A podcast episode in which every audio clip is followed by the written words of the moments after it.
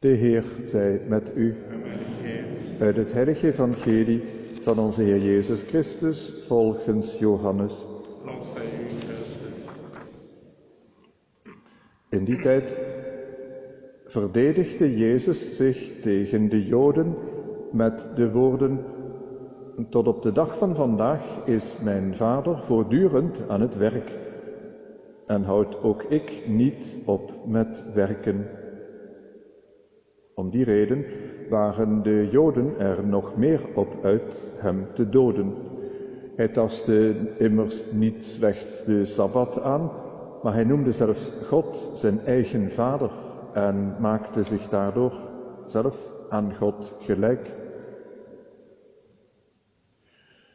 Hierop nam Jezus opnieuw het woord en sprak: Voorwaar, voorwaar, ik zeg u, de zoon kan niets uit zichzelf maar alleen datgene wat hij de Vader ziet doen. En alles wat deze doet, doet de Zoon insgelijks. De Vader toch heeft de Zoon lief en laat hem alles zien wat hij doet. Nog grotere werken dan deze zal hij hem tonen, zodat gij verbaasd zult staan. Want zoals de Vader de doden opwekt en levend maakt, zo maakt ook de Zoon levend wie hij wil. De Vader oordeelt niemand, maar hij heeft het oordeel geheel en al in handen van de Zoon gelegd, opdat allen de Zoon zouden eren zoals zij de Vader eren. Wie de Zoon niet eert, eert evenmin de Vader die hem zond.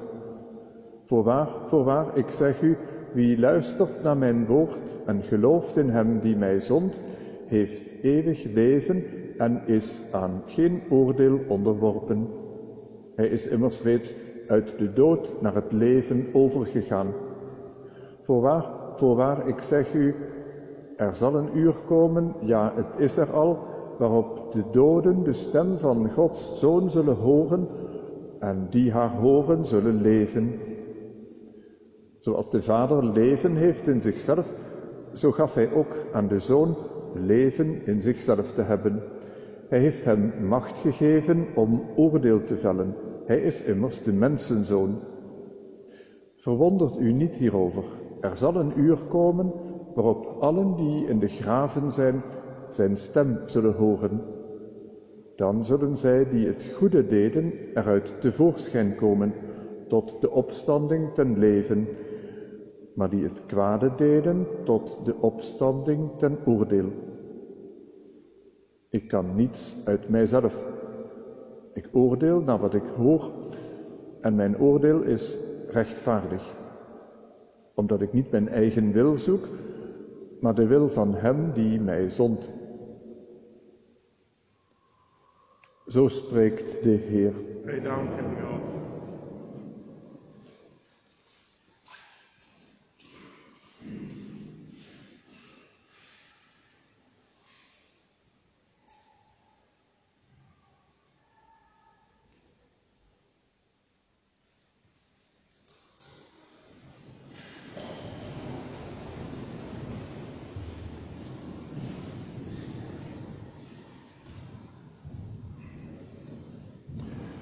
Beste broeders en zusters, ik kijk even de kerk rond om te raden of hier mensen zijn die goed Grieks kunnen spreken, of schrijven of lezen. Het zullen er waarschijnlijk niet zoveel zijn, modern Grieks, um, oud Grieks. Ja, in elk geval eentje, want we hebben een seminarist hier, die kan dat oud Grieks lezen, begrijpen, spreken, Nee, dan zijn wij tweeën even ver. Want het lukt mij ook niet om even een, een, een Griekse zin zomaar te bedenken en uit te spreken. Um, en toch kennen we allemaal wel veel Grieks, veel meer Grieks dan u denkt. Ik noem even het woord uh, epidemie. En ik hoef niemand uit te leggen wat dat betekent. Dat zijn eigenlijk twee Griekse woorden. Het voorzetsel epi, dat betekent bij.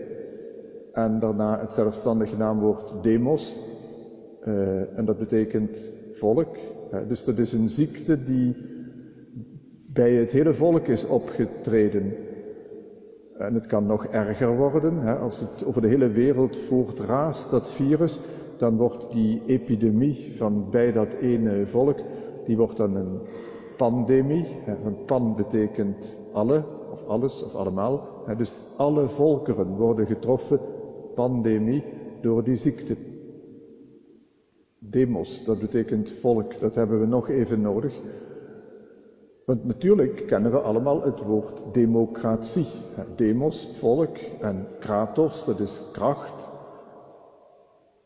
Dus, dus vandaag heel in het bijzonder, zo wordt dat ook gezegd, het is het feest van de democratie vandaag. Want de, aan het volk, aan de demos, wordt de kratos, wordt de macht gegeven. En wij zijn niet een, eh, een koninkrijk in die zin dat er één vorst is die het allemaal bepaalt. Zijn wil is wet. Nee, de wil van het volk is wet. En dat betekent nogal wat, dat aan ons mensen volmacht is gegeven. Dat je uit je eigen naam naar dat stembureau mag gaan om te zeggen, ik wil dat die persoon mij vier jaar lang gaat vertegenwoordigen. Wat een enorme macht is aan uh, ieder van ons gegeven. En als u het vergeten bent, u hebt tot negen uur vanavond nog de kans. En dan zijn we hier altijd ruim klaar met de Sint-Jozef-novin. Democratie. Je hebt ook nog theocratie, dat is een beetje een ingewikkelde. Hè? Een, een bestuursvorm waar de wil van God het helemaal bepaalt. Maar dat is inderdaad een ingewikkelde.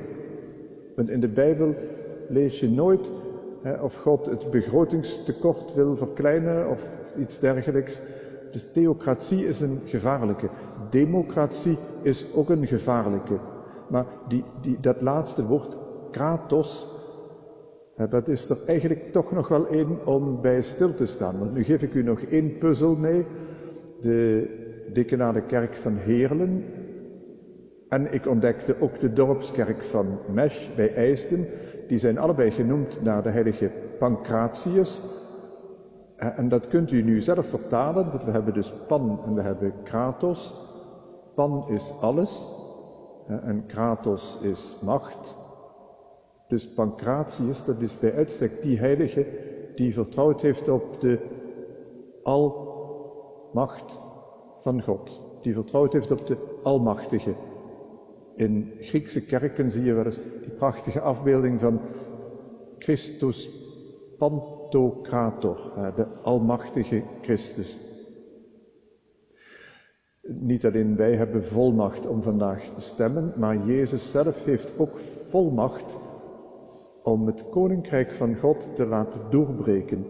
En dat is precies het probleem wat we juist in het evangelie gehoord hebben. Ik bedoel, met probleem, het probleem is dat veel mensen om hem heen dat niet van hem willen aannemen. Hoe kan nou iemand die er gewoon zo bijloopt als wij allemaal, hoe kan nu iemand, een mens als wij, God zijn eigen vader noemen? Hoe kan nu iemand op deze wereld die zware volmacht van God gekregen hebben? Ongelooflijk voor degenen die het wegwuiven. Ongelooflijk voor degenen die Jezus Christus niet willen aannemen.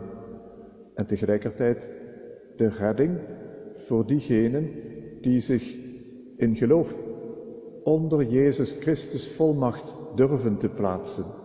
Diegenen die in eenvoudig vertrouwen tot die gevolmachtigde Jezus bidden, zoals wij dat vanavond doen. En zoals we dat doen in goed gezelschap, beste broeders en zusters, want we vieren Sint Jozef, de heilige van de beschikbaarheid, de heilige die precies zoals die Pancratius inziet dat de almacht toekomt aan God, die daarom niet gaat wegredeneren wat de engel hem in zijn droom gezegd heeft, maar die meewerkt met Gods koninkrijk met Gods almacht. Bidden we voor onszelf dat we mogen groeien in geloof. Bidden we voor ons land dat het mag groeien in zegen in de tijd die voor ons ligt.